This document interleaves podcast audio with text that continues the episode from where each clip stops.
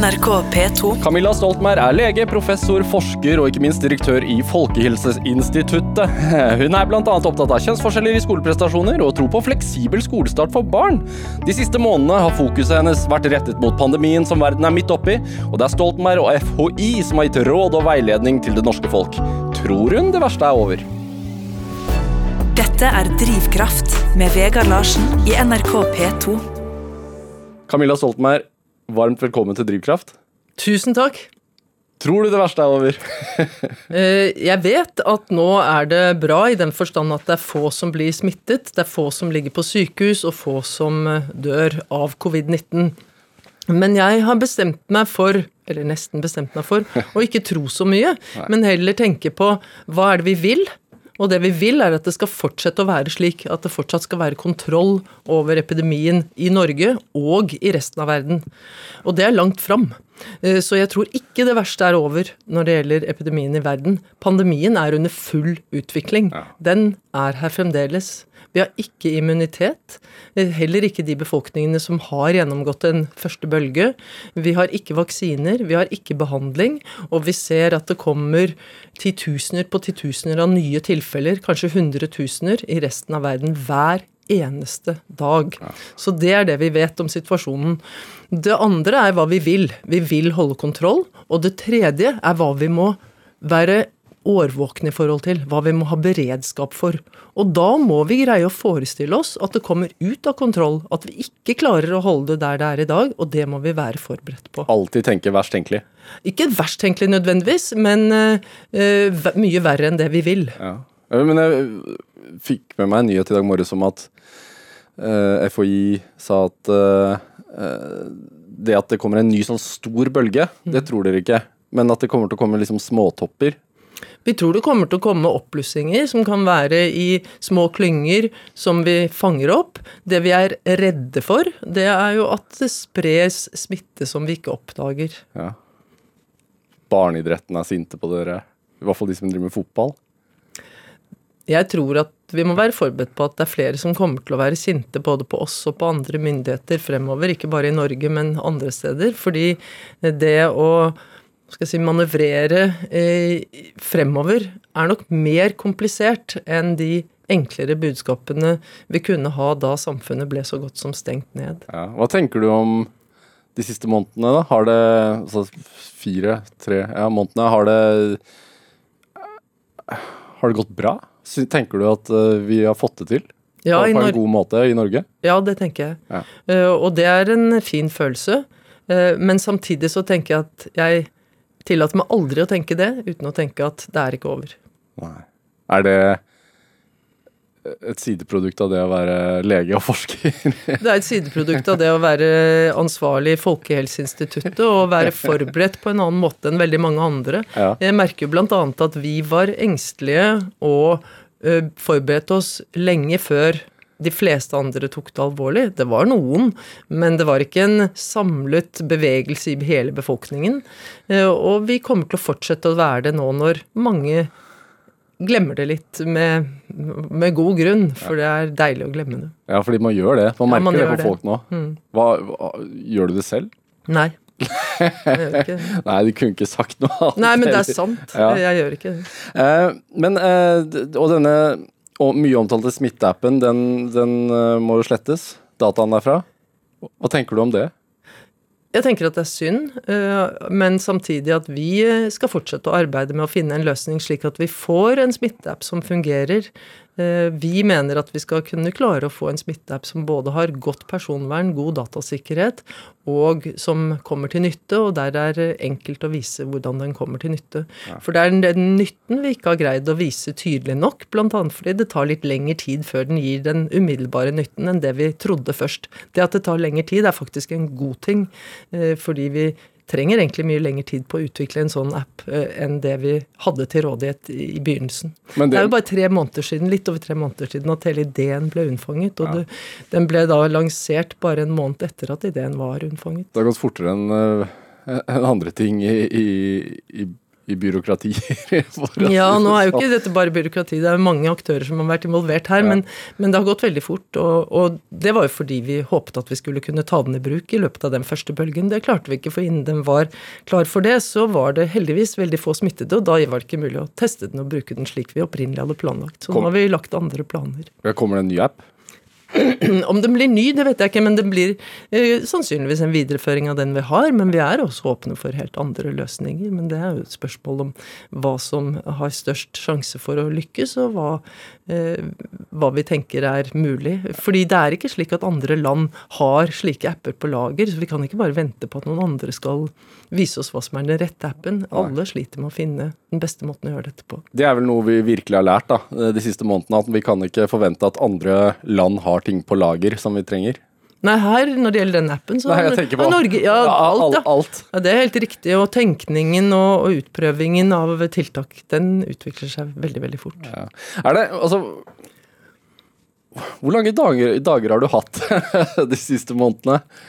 Altså, Jeg har jo snakket litt om hvor lange dager jeg har hatt, så det er jeg egentlig lei av. fordi at det er andre som har enda lengre dager enn meg, og enda mer press enn meg. Så, så der er jeg egentlig bare et eksempel blant ganske mange som han, har Jeg har hatt Nakstad ja, tidligere, han hadde også lange dager, sa han. Så. Ja, det er jeg helt overbevist om at han har vel så lange dager som meg, og det er det faktisk mange andre i Folkehelseinstituttet, Helsedirektoratet, helsetjenesten, og jeg vil tro også faktisk i mediene som har. Mm. Fordi eh, dette krever at man er på, og at det er kontinuitet. Altså at en del av de samme menneskene som kan dette best og, og får erfaringer underveis, er med hele veien. Men altså, da du Når skjønte du at, uh, at vi var nødt til å brette opp erma? Jeg tror egentlig 9. januar, men jeg skal ikke skryte på meg at jeg skjønte det i sin fulle bredde da, men i løpet av januar, ja. Hva skjedde 9. januar da? Det var den dagen Folkehelseinstituttet først varslet at det var et utbrudd i Kina, og at det lignet på SARS. Og eh, fra da var det jo beredskap i Folkehelseinstituttet som var høyere enn vanlig. Vi er en beredskapsorganisasjon, så vi har døgnkontinuerlige beredskapsvakter, og, og de følger jo med på utviklingen internasjonalt. Men det tok ikke lang tid før de erfarne smittevernekspertene hos oss tenkte at dette kan bli en pandemi, og vi må være forberedt på at det kommer til Norge. Vi vet ikke når, og vi vet ikke på hvilken måte. men men da var oppmerksomheten i stor grad rettet mot Kina og eh, risikoen for at det kunne komme folk fra Kina, eller hadde kommet folk fra Kina til Norge med smitte allerede. Hvor, hvordan får du den beskjeden da? På en e-post, eller blir det et møte, eller hvordan? I første omgang var det på e-post, men, eh, men, eh, men, det ble jo raskt møter. Jeg må innrømme at jeg ikke husker det aller første møtet, men det ble jo veldig raskt telefoner. Hva gjør vi, skal vi møtes nå? Hvor ofte, hvor ofte kommer sånne til vanlig, ja, til vanlig før, før, epidemien, så kommer det til meg en gang i uken rapporter om alle utbrudd i Norge og i eh, verden som eh, våre uh, smittevernberedskapsfolk følger med på. Og så må du ta stilling til alvorlighetsgrad og Nei, det pleier jeg ikke vanligvis å gjøre. Så tar jeg dette til orientering, og de håndterer det selv. Og, ja. og, og, normalt er det jo slik at de fleste av disse utbruddene de når ikke fram til mediene. Mediene interesserer seg ikke for dem. De blir håndtert på et veldig tidlig tidspunkt på et lavt nivå. og Det oppfattes ikke som en stor trussel, men man diskuterer bl.a. potensialene for at det kan bli det på sikt. Og eh, det er veldig interessant å følge med på, eh, fordi det forteller jo at det hele tiden sirkulerer virus. Hele tiden pågår utbrudd. Mange av dem er jo kjente, sånn som ebola-utbruddene i Afrika, både i Vest-Afrika og i Sentral-Afrika, ja. Eh, republikken Kongo. Eh, men eh, samtidig så har jo de ganske raskt blitt oppfattet som ikke truende for Norge, og da har vi en tendens til å glemme dem, dessverre. Hva, hva tenker du om altså Du nevner media, at vi ikke vanligvis bryr oss. Hva tenker du om medias håndtering av covid-19, da? Jeg syns den har vært veldig god. Eh, og jeg er virkelig imponert over hvor mange journalister det er som har lært seg mye om hva som skjer. Eh, og som Altså alt fra detaljer om viruset til den matematiske modelleringen til de politiske dimensjonene i dette. Hele spennet av eh, kunnskap og eh, utvikling har journalister interessert seg for, og er pådrivere for at man skal formidle dette på en god måte. Så for oss har det vært en fin ting. Det er nyttig, og det betyr at vi får et press på oss til å formidle godt, til å arbeide godt, og det stilles kritiske spørsmål underveis som gjør at vi forbedrer oss. Men har det vært altså min, min følelse er at det i starten var veldig mye krigstyper. Ja. Men føler du at det var riktig? Nei, Nei. ikke på den måten, men altså både òg. Fordi det er klart at samtidig så var det jo slik at vi i starten, og da med vi så tenker jeg nå først og fremst på øh, smittevernekspertene i Folkehelseinstituttet og ledelsen i Folkehelseinstituttet. Vi var alarmert ganske tidlig. øh, Og Preben Aavitsland, som er en av de mest erfarne hos oss, skrev jo allerede i slutten av januar i Tidsskrift for Den norske legeforening at han mente at dette kom til å bli en pandemi, at vi måtte være forberedt på at det kom til Norge, og at sykehusene, særlig spesialisthelsetjenesten og også kommunehelsetjenesten, måtte forberede seg. Ja. Så, så vi tenkte slik fort. Men, eh, men så har det jo eh, Og da, da opplevde vel vi at det var en slags eh, eh, diskrepans mellom det vi følte og tenkte og visste, og det befolkningen eh, tok inn over seg. Det var jo ikke slik at det ikke kunnskapen gikk ut, men, men Det tok litt tid ja, før det det, tok litt tid inn. før man opplevde at det var noe som angikk oss. Ja. Det gjaldt ikke hele samfunnet, og vi så jo eh, at det utviklet seg veldig fort eh, fra slutten av februar, da det første tilfellet ble oppdaget i Norge, og fremover til 12. mars, da regjeringen gikk på banen og, vedtok mange tiltak samlet. Mm. Hva tenker du om sånn som nå? Fordi når man leser tallene nå, så er det jo Det er få som blir registrert nysmittede hver dag. Eh, jeg følger litt med på det, sånn som Ja. mange andre Det antageligvis gjør. Ja. Eh, og det er- veksler mellom sånn 8 og 20 eh, hver dag. Ja. Og da tenker man jo sånn ja, Nå er det så få at det ikke er noe Nei, da er det ikke noe farlig lenger. Tenker, er det greit Eh, sånn? både og. Det er jo helt sant at da er det liten risiko for at man i sitt daglige liv, hvis man tar hensyn, møter noen som er smittet, og som ikke vet det selv, og derfor ikke har isolert seg. Ja. Um, og selv bli smittet. Men samtidig så vet vi at hvis man ikke oppdager smittespredning, ny smittespredning tidlig, eh, så kan det spre seg i stillhet i den forstand at en del av de som blir smittet, får veldig milde symptomer, får kanskje nesten ikke symptomer i det hele tatt, og kan smitte videre akkurat i den fasen før de eventuelt blir syke. Mm. Og um, da har vi jo sett at i de landene der det kom mange smittede inn, sannsynligvis, nokså samtidig, og hvor det så utviklet seg uten at man oppdaget det, så har selv det å sette i gang veldig inngripende tiltak, eh, fullt portforbud, um, vært krevende i den forstand at ikke, ikke å iverksette tiltakene, egentlig, men å få effekt av dem har tatt tid, og at de nå, en del av dem, lemper på tiltakene uten at de har oppnådd den virkningen, altså den reduksjonen i smittespredning som de eh, ønsker seg og håper på. Og det, og det betyr jo også Vi må huske at epidemien, pandemien, er under full utvikling. Den har egentlig bare begynt, og i verden er den økende. Ja. Sånn at det å stenge verden helt ute fra et land som Norge er sannsynligvis umulig eh, over tid. Eh, så vi kan gjerne ha som mål å eh, nå et nullpunkt, altså ingen nysmittede over en viss tid. Men Sånn som enkelte land har klart, ja, New Zealand for ja, New. Zealand, men i dag melder jo de at det er to stykker som har kommet inn, og som øh, har fått øh, gå ut av karantene, og som kan ha spredd smitte. Sånn at jeg Dette er jo også et spørsmål om kommunikasjon, men det å ha liksom null smitte, nå målet nådd, Mm. det, det tenker jeg egentlig gjør at det er risiko for at vi glemmer øh, hvor viktig det er å huske at vi, selv når det er null smitte, så vet vi ikke om det ikke kanskje er noe smitte og, og noe smittespredning som foregår i det skjulte. Så det beholder beredskapen samtidig som vi gleder oss over og, og utnytter det at det er få smittede, det er veldig viktig. Du, du sa jo at du ikke liker å tro og, og mene noe om ting som skjer i, i fremtiden, men, men sånn eh, Hvor lenge tenker du, da, eh, teoretisk sett, at vi er nødt til å ta dette hensynet? Det, det, lenge, Lenge. Eh, ikke sant. Det, det er jo helt avhengig av når vi får vaksine, som er det jeg, jeg tror at vi gjør, fordi man nå satser så kolossalt på vaksineutvikling. Mm.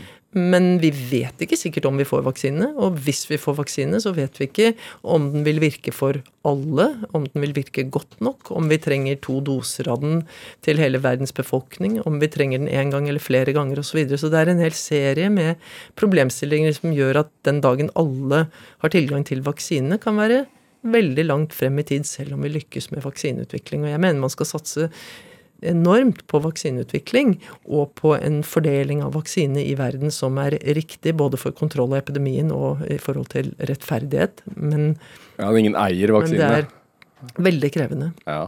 Er, det, er du litt glad for at uh, vi her i Norge, altså at dere da i Norge gir råd, og så er det politikerne som tar beslutningen? og så det er vel sånn i Sverige også, men man får vel mer inntrykk av der at der er det Helsedirektoratet og, og, og Folkehelseinstituttets råd i Sverige som er mer avgjørende for, for valgene de gjør? Er du, er du Altså, jeg kan svare på flere måter. For, for det første så, så, mener jeg at det er slik det er i Norge. Og da skal jeg som direktør i Folkehelseinstituttet respektere det og arbeide med det som utgangspunkt uansett. For det andre så mener jeg personlig at det er riktig at det er slik. Eh, og det er fordi at man her skal fatte vedtak eh, som er så inngripende i folks liv og i samfunnet eh, og for økonomien at det bør bare politiske myndigheter gjøre. De bør riktignok være gode politiske myndigheter som kommuniserer godt med befolkningen, og som forstår hvor viktig det er. Folks eget engasjement, folks medvirkning til å få til god kontroll med smittespredningen. Og de må ha veldig tett og nær dialog med smittevernmyndigheter og fagekspertisen. Eh, så alt dette, det er avgjørende for hvordan det går i de forskjellige landene. Men det har fungert godt her? Det jeg mener det. Ja. Er det Altså, har du blitt overrasket eh, over sider ved deg selv eh, under denne pandemien?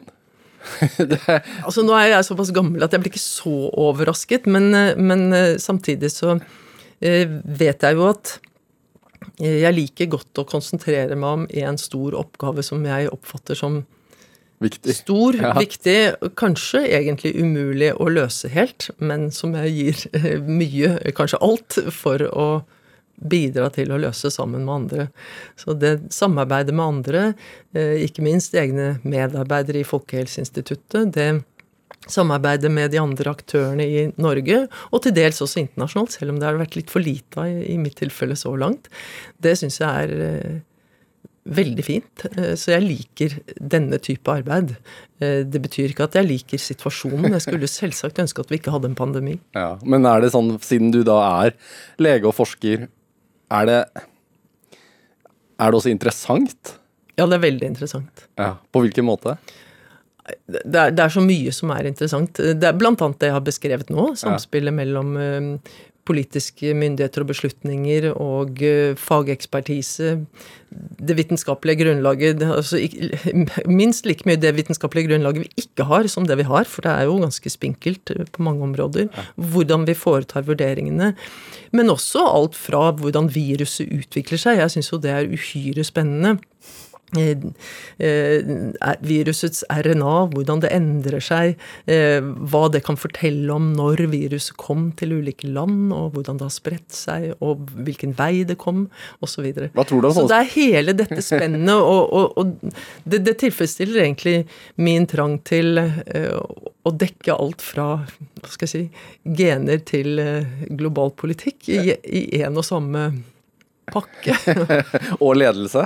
Og ledelse. Som du også liker? Ja, jeg gjør det. Ja. Er det Hva tenker du om sånne spekulasjoner sånn uh, Er det menneskeskapt? Er det ikke menneskeskapt? Jeg tenker at uh, i, i, en slik situasjon, prinsipielt, så skal man være veldig åpen for hypoteser og ikke avvise dem. Men uh, så langt så ser det jo ut som om de som har lansert de teoriene, ikke har så gode holdepunkter. Ja. men det, vi, det er vi med på å gå nøye etter i sømmene. Det jeg tenker er er noen, det er ikke helt nytt, men, men er noe nytt. Det er likevel et sprang eller det er et sprang fremover sammenlignet med for ti år siden, da vi hadde svineinfluensapandemi. Det er at um, vi, og da mener jeg det store vi, eh, aktørene i Norge, men også i andre land, har en åpenhet i kommunikasjonen.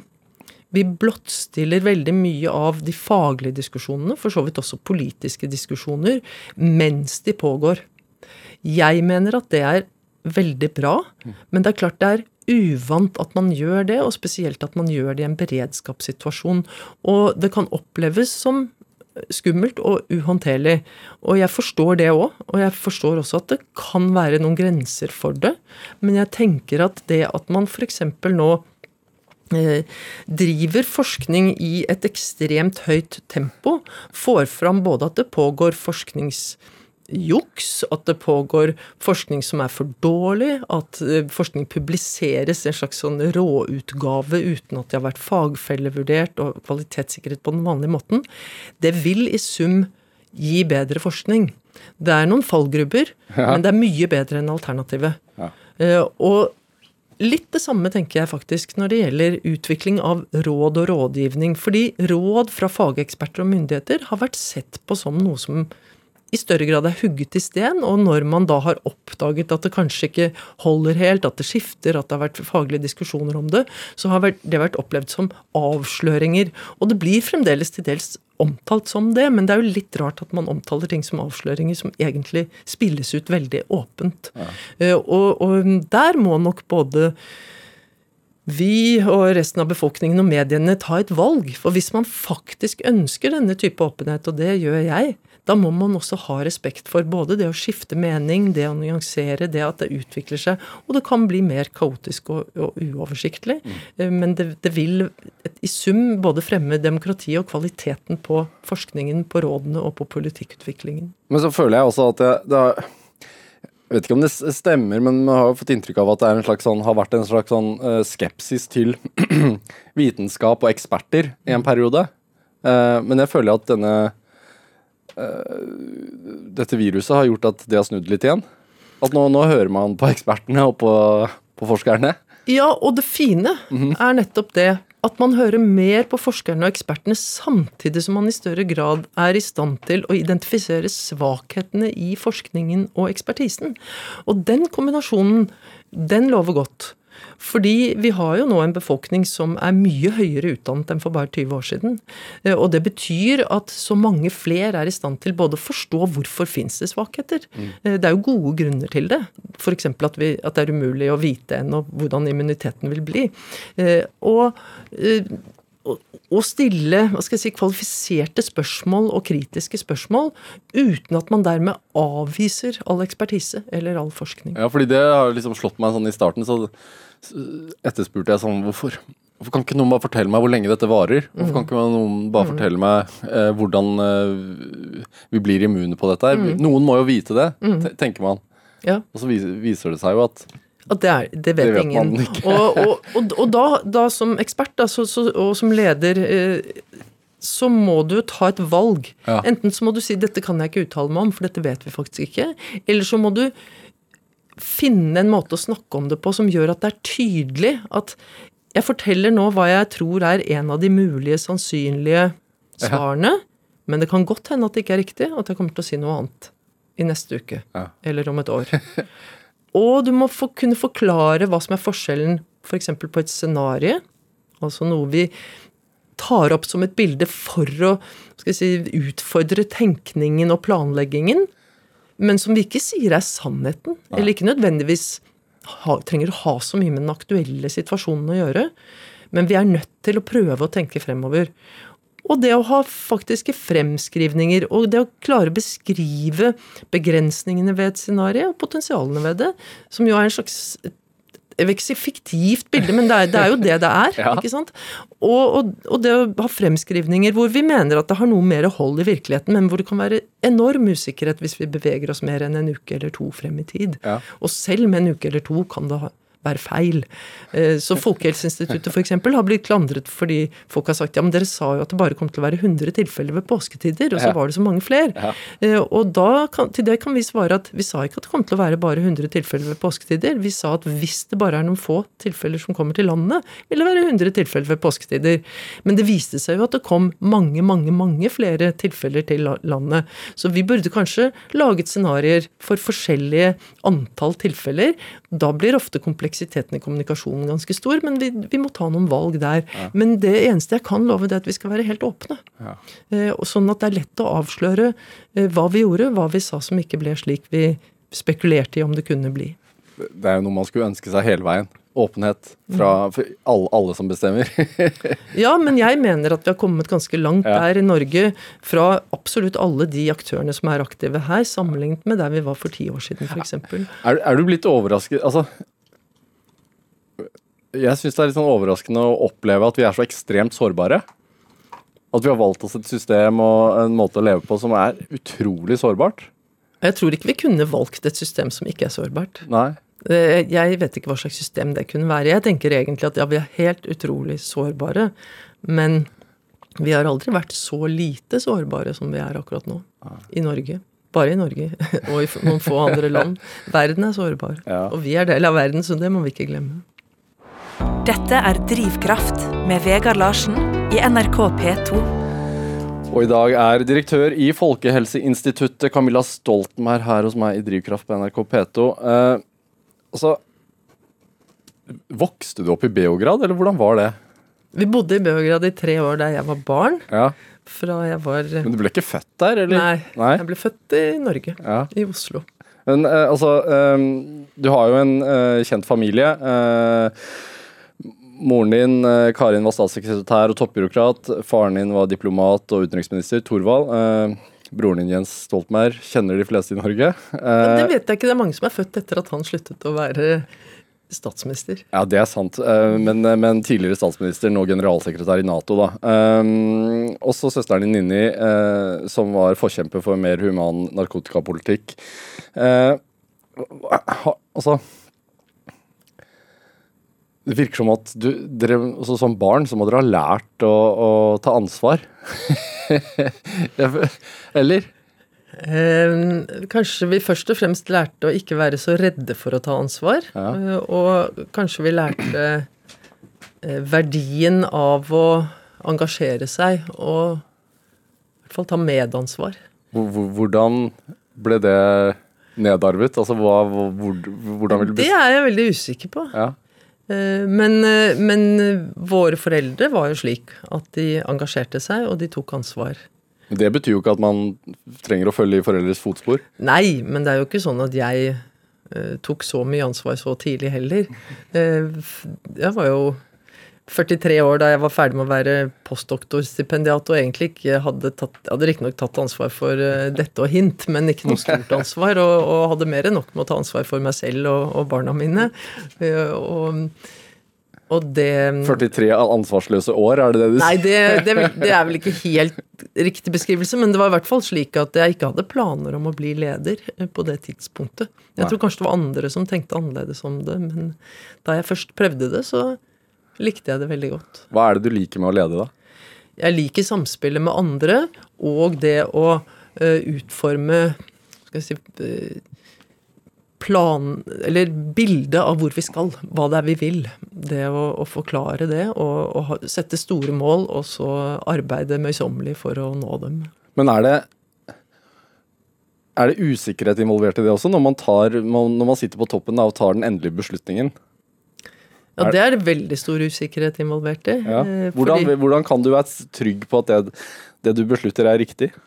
Det er man aldri. Man skal være litt utrygg på det også.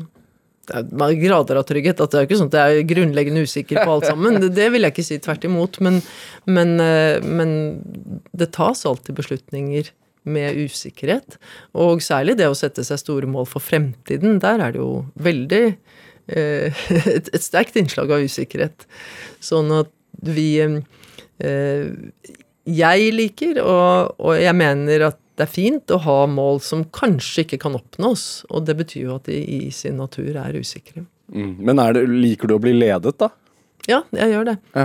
Jeg liker godt å bli ledet. For det er mange, ledere, det er mange ledere som ikke liker å bli ledet. Nei, derfor- jeg har hatt veldig gode ledere, og det tenker at det er noe av det jeg har vært heldigst med i livet. Og, og eh, så de som har vært mine ledere, vet jo selv hvem de er, så Ja. tusen takk til dem. Og, og kanskje har jeg ikke vært så verst til å finne gode ledere som leder meg. Så det har nok bidratt til at jeg har syntes at det var fint å bli leder. Men hvordan jobbet dere med Altså, hvordan vil du si at eh, foreldrene dine gjorde deg selvsikker? For det må man være som leder. Eh, Man må i hvert fall være trygg på seg selv, tenker jeg at det er, det er fint å være. Ja, er det Selvsikker. Er det to forskjellige ting? Nei, det er mulig det ikke er to forskjellige ting, det er bare to forskjellige ord. Men det, men det eh, Man må være trygg på seg selv som person, og man må tåle nederlag. Eh, man må tåle vanskeligheter. Eh, Jeg, jeg kan aldri huske at det var noe Det var aldri noe uttalt uh, tema å bli leder i vår familie. Overhodet ikke. Var det ganske fritt? Ja, det var det, og, og jeg kan egentlig ikke huske at det var noe tema hva vi skulle bli i det hele tatt, det, annet enn at eh, gå ut i verden og engasjere deg. Det var nok kanskje et budskap som, som heller ikke ble sagt på den måten, men det var et sterkt budskap. Å bry deg om verden, ikke, ikke bare om deg selv. Men du, du, fordi du tok jo et sånt valg ganske tidlig. Jeg veit at du Da man begynner på Er det videregående det heter nå, eller er det på, på Nå- gymnas? Nå heter det videregående. Ja. Um, så skulle du egentlig begynne på Katta her i Oslo. Uh, Oslo katedralskole. Jeg begynte der. Du begynte Jeg gikk der noen måneder. Hva, hva skjedde? Nei, det som skjedde var at eh, rett før jeg begynte der, så, så hadde vi en fest med noen venner som ville lage en egen skole. Og det gjorde de. De var litt eldre enn meg. Og, og så spurte de om jeg ville bli med, og så sa jeg først at det kunne jeg ikke, for jeg var bare 15. Eh, Men så mm, var jeg på det tidspunktet ganske urolig og ville egentlig bli fort voksen og synes at det å gå på gymnas var et slags tilbakesteg. Eh, Det, det, jeg var klar for eh, helt andre og langt større, men svært uklare, diffuse eh, oppgaver i livet.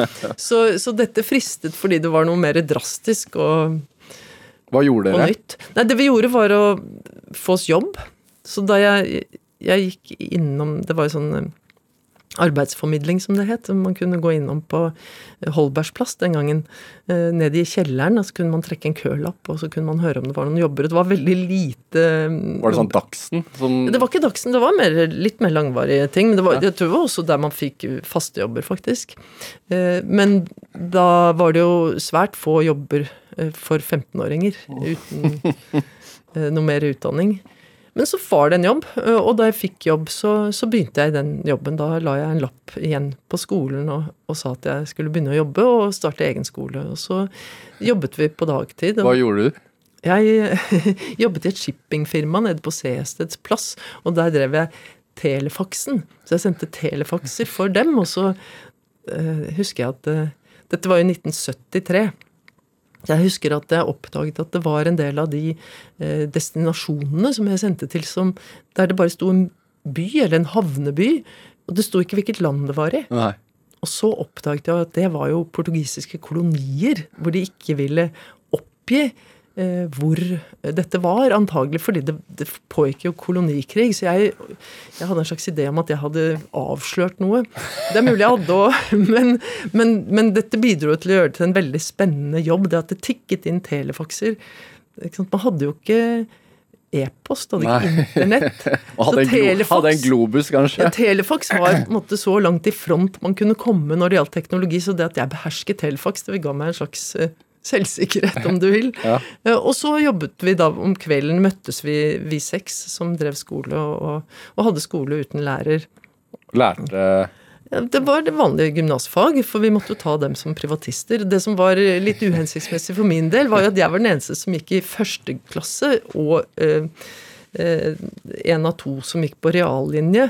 Men det var egentlig ingen som skulle ha akkurat de fagene jeg hadde, så det var jo sånn sett litt, eh, litt ensomt, selve skolearbeidet. Ja, fordi målet var, altså tanken var da å gå opp, som, gå opp til eksamen, bare? Ja, Først så var det jo tanken å tjene penger, Ja. og så kjøpe en bil. Vi kjøpte en rød Ford Transit og klistret på gule bokstaver. Eh, Og jeg husker at vi, vi hadde nok ikke lært nok tysk og engelsk, for vi skrev annet 'The Traveling Gymnasium'. Og det er litt, fortsatt litt uklart for meg hva det betød, men det betød i hvert fall ikke reisende videregående skole. Det betød et eller annet som ikke var Det ga noen rare assosiasjoner, åpenbart. Ok, I, i Tyskland? Nei, nei, nei, The Traveling Gymnasium, det var i England, Ja. da, først og fremst, og kanskje også i andre land. Men dere kjørte rundt i denne bilen? Ja, vi kjørte til eh, Tyskland og Frankrike og England. Hvor lenge da? Vi dro ut 9. januar og kom tilbake i slutten av april for å ta eksamen. Og du, og du var 15 år. Hva, Jeg ble 16 da. ja, hva sa Torvald og Nei, Karin de til dette? ble urolige av det, særlig, særlig Torvald. Han var nok aller mest redd for bilkjøringen. Ja. Eh, Så de forsøkte å overbevise oss om at vi kunne ta tog, og at det fantes traller på togstasjonene som gjorde at vi kunne bevege oss med det. Jeg, I ettertid Jeg fatter ikke at jeg fikk lov til det. Eh, Jeg, Du har egne barn, har, du? ja, nei, eh, Har du- de har aldri bedt om noe sånt. altså Jeg har sluppet å si nei til dem, men, men jeg blir nervøs bare ved tanken på at mine barn i den alderen skulle reist ut og gjort dette. Både i forhold til skolegangen, men også trafikken og alt annet som kunne ha skjedd. Men det var en sånn selvstendighetstrang, da. Ja, det var en stor selvstendighetstrang. Jeg mente nok selv at jeg var voksen, og at ingen andre skulle bestemme over meg på det tidspunktet. Jeg ble litt mer ydmyk senere. Men er, er du ja, ja, nå er du sjef igjen, altså ingen som bestemmer over deg. Nå Jo, det er veldig mange som bestemmer over meg. Det er overraskende lite sjefer kan bestemme helt selv, og det er bra. Men er det eh, hva er det, tenker du, i, i Altså blir man, blir man født med en selvstendighetstrang, eller blir man eh, påvirket til Det å er få det? nok en blanding der, ja. Ja. Er det, eh, men hva tenker du at sånn, gjennom oppveksten din som har gjort at du har eh, hatt denne selvstendighetstrangen og dette også, For du har et hvitebegjær. Ja, Hvitebegjæret var nok enda større enn selvstendighetstrangen, for jeg har også Jeg var jo en veldig ordentlig pliktoppfyllende pike.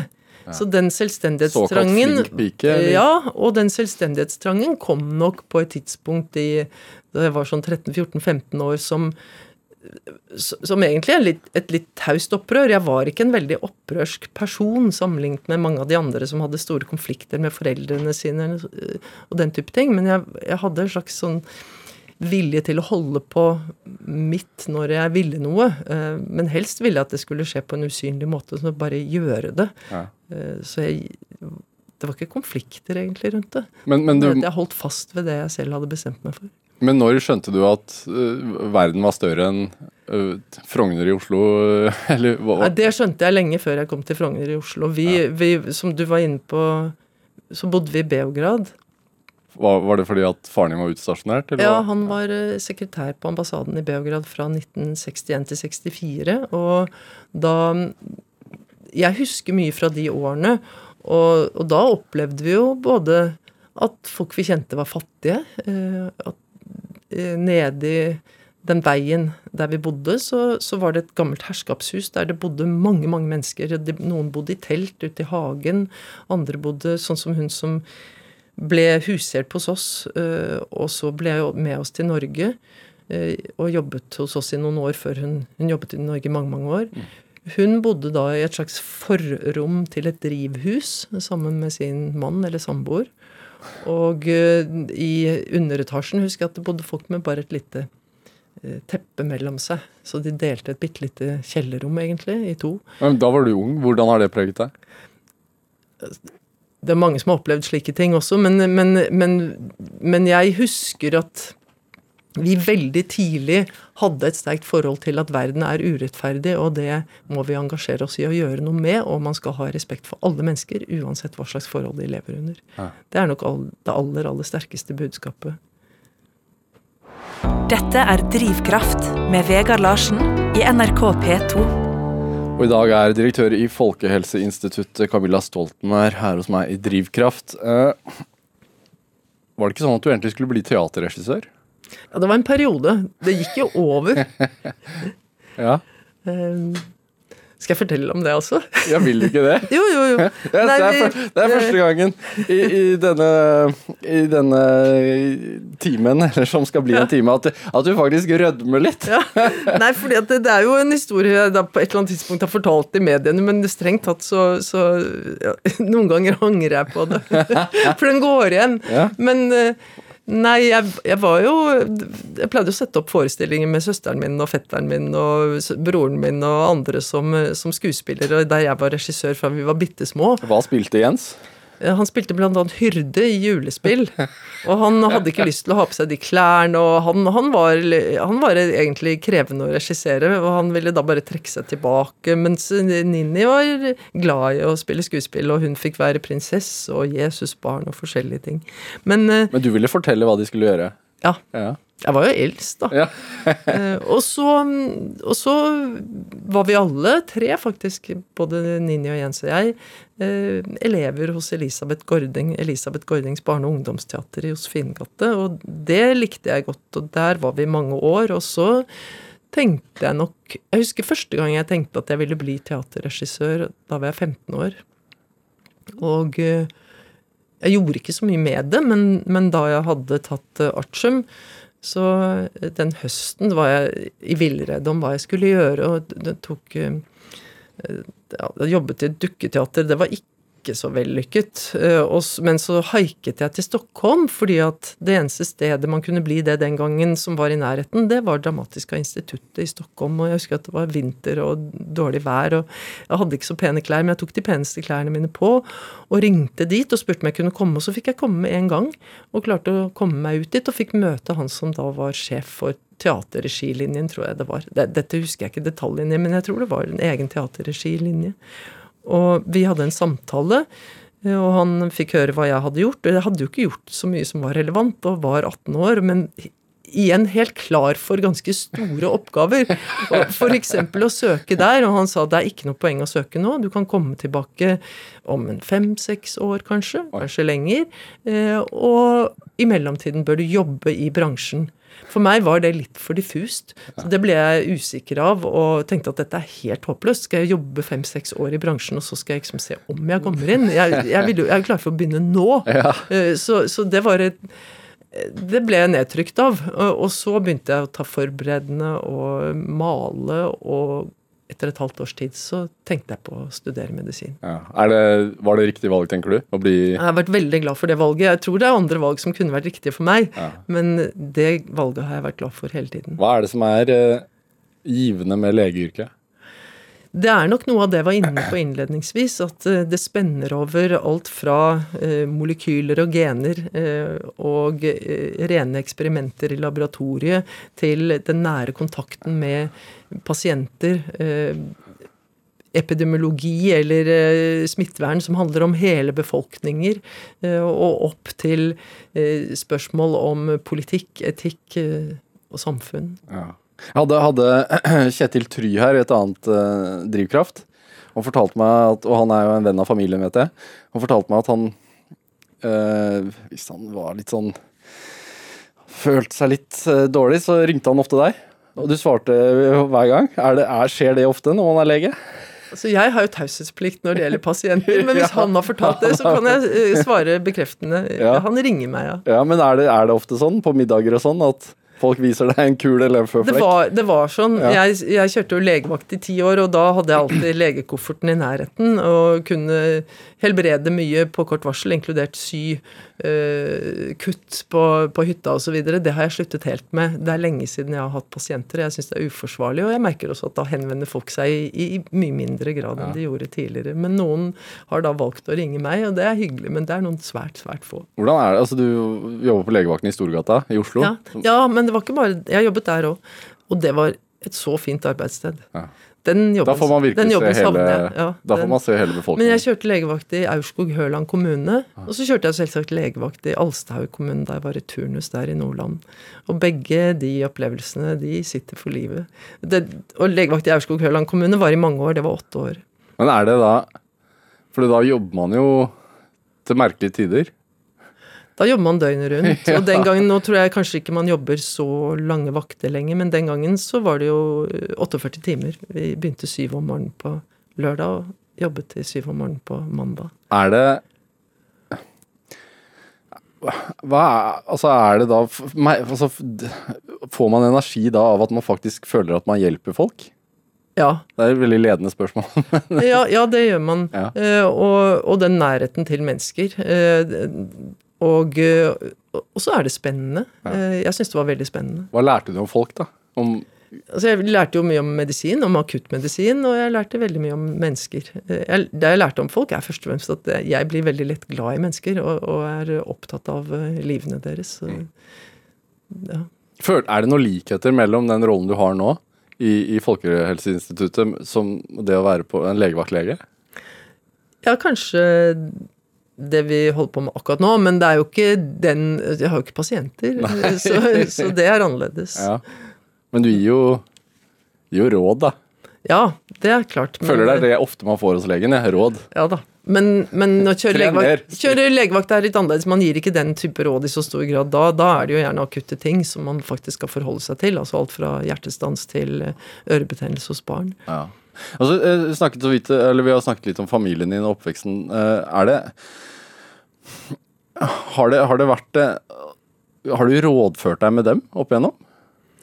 Det, det er så rart, eh, for at folk spør meg om det hele tiden, om jeg har rådført meg med dem. Altså, jeg vet ikke hvordan du tenker på det når du snakker med familien vi- din. Nå søker jeg råd. For Eh, Søke din- råd gjør man jo ikke så ofte. Nei, man- det, er, det er kanskje en sjelden gang i livet. Ja. Så jeg, jeg kan egentlig ikke huske mer enn en gang eller to. Vi har tenkt at nå skal jeg gå og spørre om råd fra mine foreldre. Men man har jo den løpende kontakten og nærheten og snakker om viktige ting, og i det ligger det sikkert også mange tanker, vurderinger. Men jeg opplever det jo først og fremst slik at vi, vi snakket sammen om ting. og om vi konkluderte med liksom, dette, er det, dette er det du bør gjøre, det var nok ikke så ofte. Nei. Men er det øh, For jeg leste et sted at altså øh, du, har, du har jo øh, dessverre mistet både moren og faren din og søsteren din. Uh, men at, at du har sagt at du fremdeles diskuterer med dem. Ja, jeg tenker på hva ville de tenkt om denne situasjonen. Ja. Det er, eh, og jeg vet jo hva de ville vært spesielt opptatt av. Uh, Nå ville de vært svært opptatt av eh, valgkampen i USA, f.eks., som står for dørene. Ja. Er du det? Ja, men jeg har ikke rukket å tenke så mye på det. Men fra et sånt øh, folkehelseinstituttperspektiv, er det ekstra interessant med den valgkampen? Det er interessant også fra Folkehelseinstituttperspektiv i den forstand at det spiller en stor rolle for hvordan det går med Verdens helseorganisasjon, og, og hvordan det går med internasjonale samarbeidet. Ja. Hva frykter du Jeg tror ikke jeg skal gå lenger inn på det akkurat nå, men, eh, men, men det er klart at til enhver tid så vil det som skjer i USA politisk ha eh, veldig stor betydning for verden og for Norge. Eh, Og for internasjonale organisasjoner. Og jeg mener at internasjonalt samarbeid i internasjonale organisasjoner, som Verdens helseorganisasjon, i denne situasjonen må revitaliseres og styrkes. For dette viser, eh, denne pandemien viser hvor stort behovet for slikt internasjonalt samarbeid er, og hvor avgjørende det er at den type organisasjoner er velfungerende og utvikler seg, at de moderniseres, og at de har tillit, eh, for at vi skal kunne håndtere dette på sikt. Ja, fordi er... Både for noe så konkret som å få vaksiner og få en eh, rask og god fordeling av de vaksinene, men også for å støtte land som eh, har svake helsesystemer, eh, for å sørge for at vi får velfungerende markeder, at vi får tillit i markedene. Og så er det noe vi har lært nå, så er det vel at grenser bare er en strek på et ark Ja. i forhold til Ja, det er ikke bare en strekk på et ark, eh, dessverre. Så vi ser jo at i forhold til smitte så er det grenser, eh, landegrenser veldig, veldig komplisert, og det ser vi i disse dager. ja. Dette er Drivkraft med Vegard Larsen i NRK P2. Og i dag så har jeg altså Camilla Stoltenberg her hos meg i Drivkraft. Eh, Vi prater jo om covid-19 selvfølgelig, men også mye annet. Altså Jeg veit at du opp igjennom har vært opptatt av unge gutter. Ja, Uh, At de faller utenfor. Uh, Og, og kjønnsforskjeller i skoleprestasjoner. ja, For det er noe du brenner for. Altså, du har vært med og skrevet en NOU-rapport om dette her. ja. Uh, Hvorfor er det viktig for deg? Jeg mener at det er viktig for Norge og for ganske store deler av verden etter hvert. Fordi at det er viktig at både gutter og jenter skal få utdanning. Utdanning er avgjørende i verden for eh, demokrati, for økonomisk utvikling, for eh, bærekraft, for eh, alt, egentlig. Så mm, gjennom det engasjementet jeg har hatt for folkehelse, men også et mer allment samfunnsengasjement, så har jeg vært opptatt av utdanning, skole og utdanning. Og eh, også likestilling. Og jeg har vært opptatt av jenters og kvinners rett og muligheter til utdanning, og det er jeg fortsatt. Og der er det fortsatt mye som eh, ikke er bra nok. Men samtidig, når man går inn i dette, så ser vi at i mange land, sånn som i Norge, så har det skjedd et skifte. Der eh, i løpet av de 20 årene fra 2000 så eh, er kvinner kommet i flertall både blant de som fullfører videregående skole, og de som fullfører høyere utdanning. Mm. og etter hvert også eh, sannsynligvis når det gjelder doktorgrad, det er fortsatt eh, nokså balansert der. Eh, men du, du har jo studert mange- medisin selv, altså Ja. på medisinstudiet er jo et veldig godt eksempel. Det er et veldig godt eksempel, og der er det jo sånn Nå vet jeg ikke akkurat hva de aller siste tallene er, men, eh, men det har vært oppe i rundt 75% som eh, er jenter av de som begynner på studiet. Flere, flere av studiestedene i Norge, og også andre steder i sammenlignbare land, OECD-land, så, så er det 60% kvinner blant de som fullfører høyere utdanning. Men hvorfor faller gutta fra, da?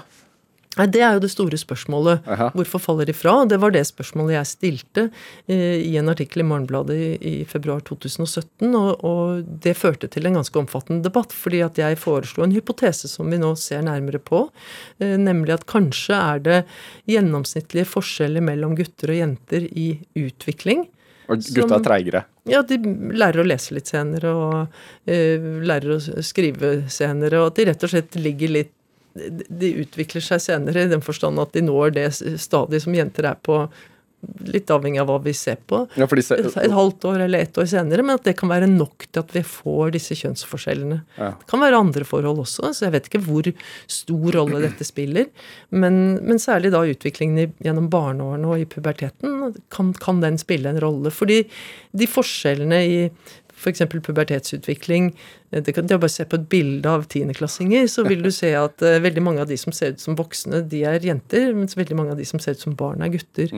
Eh, og, og det er en sammenheng mellom hjernens utvikling, utvikling ja, tenkningen, det kognitive, følelseslivet, og også det som kalles for selvregulering, som er bare gjennomsnittlige forskjeller, eh, men likevel kan være tilstrekkelige til å forklare en sånn forskjell som den vi ser eh, i høyere utdanning. Ja, altså, og, og den modellen som er nå, da er det fare for at unge gutter lett blir kanskje definert som eh, at de ikke har konsentrasjon, at de Ja, vi ser at i ytterpunktene så, Ja. så er det veldig mange flere jenter som har eh, høye poengsummer fra grunnskolen, og Ja. dermed kvalifiserer for de beste videregående skolene. Og de fleste av de videregående skolene som er vanskelig å komme på, inn på i Oslo f.eks., er ganske sterkt jentedominerte. Og så ser vi det samme i overgangen mellom videregående skole og, og høyere utdanning. Og så ser vi i den andre enden at det er kanskje to og en halv gang så mange gutter som har såpass lave eh, poengsummer fra eh, grunnskolen at de vil ha store vanskeligheter med å klare seg gjennom videregående skole. Men tenker du da at eh, gutta generelt skal vente et år eller to før de Nei. begynner på skolen, eller er det mer sånn selektiv start? Jeg tenker at blant de som, uh, som Hva skal jeg si ut, Det er jo stor variasjon i utvikling blant jenter og blant gutter. Den Ja. er jo mye større, den variasjonen, enn den gjennomsnittsforskjellen mellom gutter og jenter. Så jeg Ja. tenker at hvis man skal uh, ha tiltak som gjør noe med dette, så bør de handle om både gutter og jenter. Ja. Uh, Så f.eks. hvis man skal ha fleksibel skolestart, som er noe jeg mener man burde prøve ut systematisk, for vi er jo ikke helt sikre på hvordan det virker, i hvert fall ikke hvilken form det skal ha for at det skal virke eh, godt og utjevnende og, og gi bedre skolegang for hvert enkelt barn og, og bedre resultater i den andre enden, ja. så, så må vi eh, innrette det slik at det ikke er no, altså ikke er særlig for gutter eller særlig for jenter, for det vil være en del jenter, selv om det er færre jenter enn gutter, som også litt, eh, utvikler seg litt langsommere. Eh, Og, og derfor så vil det være individuell tilpasning som gjelder. Men hvis den individuelle tilpasningen fungerer, så vil det jo være flere gutter enn jenter som har nytte av det. For Ja. det vil rett og slett være flere av dem i den gruppen. Ja, for Man trenger jo ikke nødvendigvis være dum selv om man bruker litt lengre tid. Altså, Jeg vet jo at du, Nei, du, du blant annet eh, eh, måtte hjelpe broren din mye med leksene, og han ble statsminister. Ja, og han ble veldig flink på skolen, men det, det gjorde han ikke før han var ferdig, altså det litt i videregående, men, men først og fremst etter videregående på universitetet. Ja, Så det er liksom litt personen opplever dette her også. Ja, det er store individuelle variasjoner, og Ja. det er ganske vanskelig for skolen å ta hensyn nok til dem. Og vi vet at det er forskjell i resultater i skolen avhengig av f.eks. når på året man er født. Det gjelder både for gutter og jenter, så de som er født sent på året, gjør det i snitt litt dårligere enn de som er født tidligere på året. Er det litt sånn at fokuset på at jenter skal uh, få høyere utdannelse og, eh, og, og, og sånne ting, som har vært sterkt i Norge, da, uh, har gjort at man har glemt gutta litt? Jeg tror man kanskje har glemt kjønnsperspektivet. Og, så har man glemt sammenhengen mellom kjønn og sosial bakgrunn, sosial klasse. Eh, fordi det som er eh, en veldig sterk effekt, det er det å både ha foreldre med lav utdanning og være gutt. Ja. Og særlig hvis du er gutt født sent på året som har foreldre med lav utdanning, så slår det sterkt ut. Da, har dine, da er dine sjanser for at du skal gjøre det bra på skolen, mye lavere enn hvis du f.eks. er jente med foreldre med lav utdanning.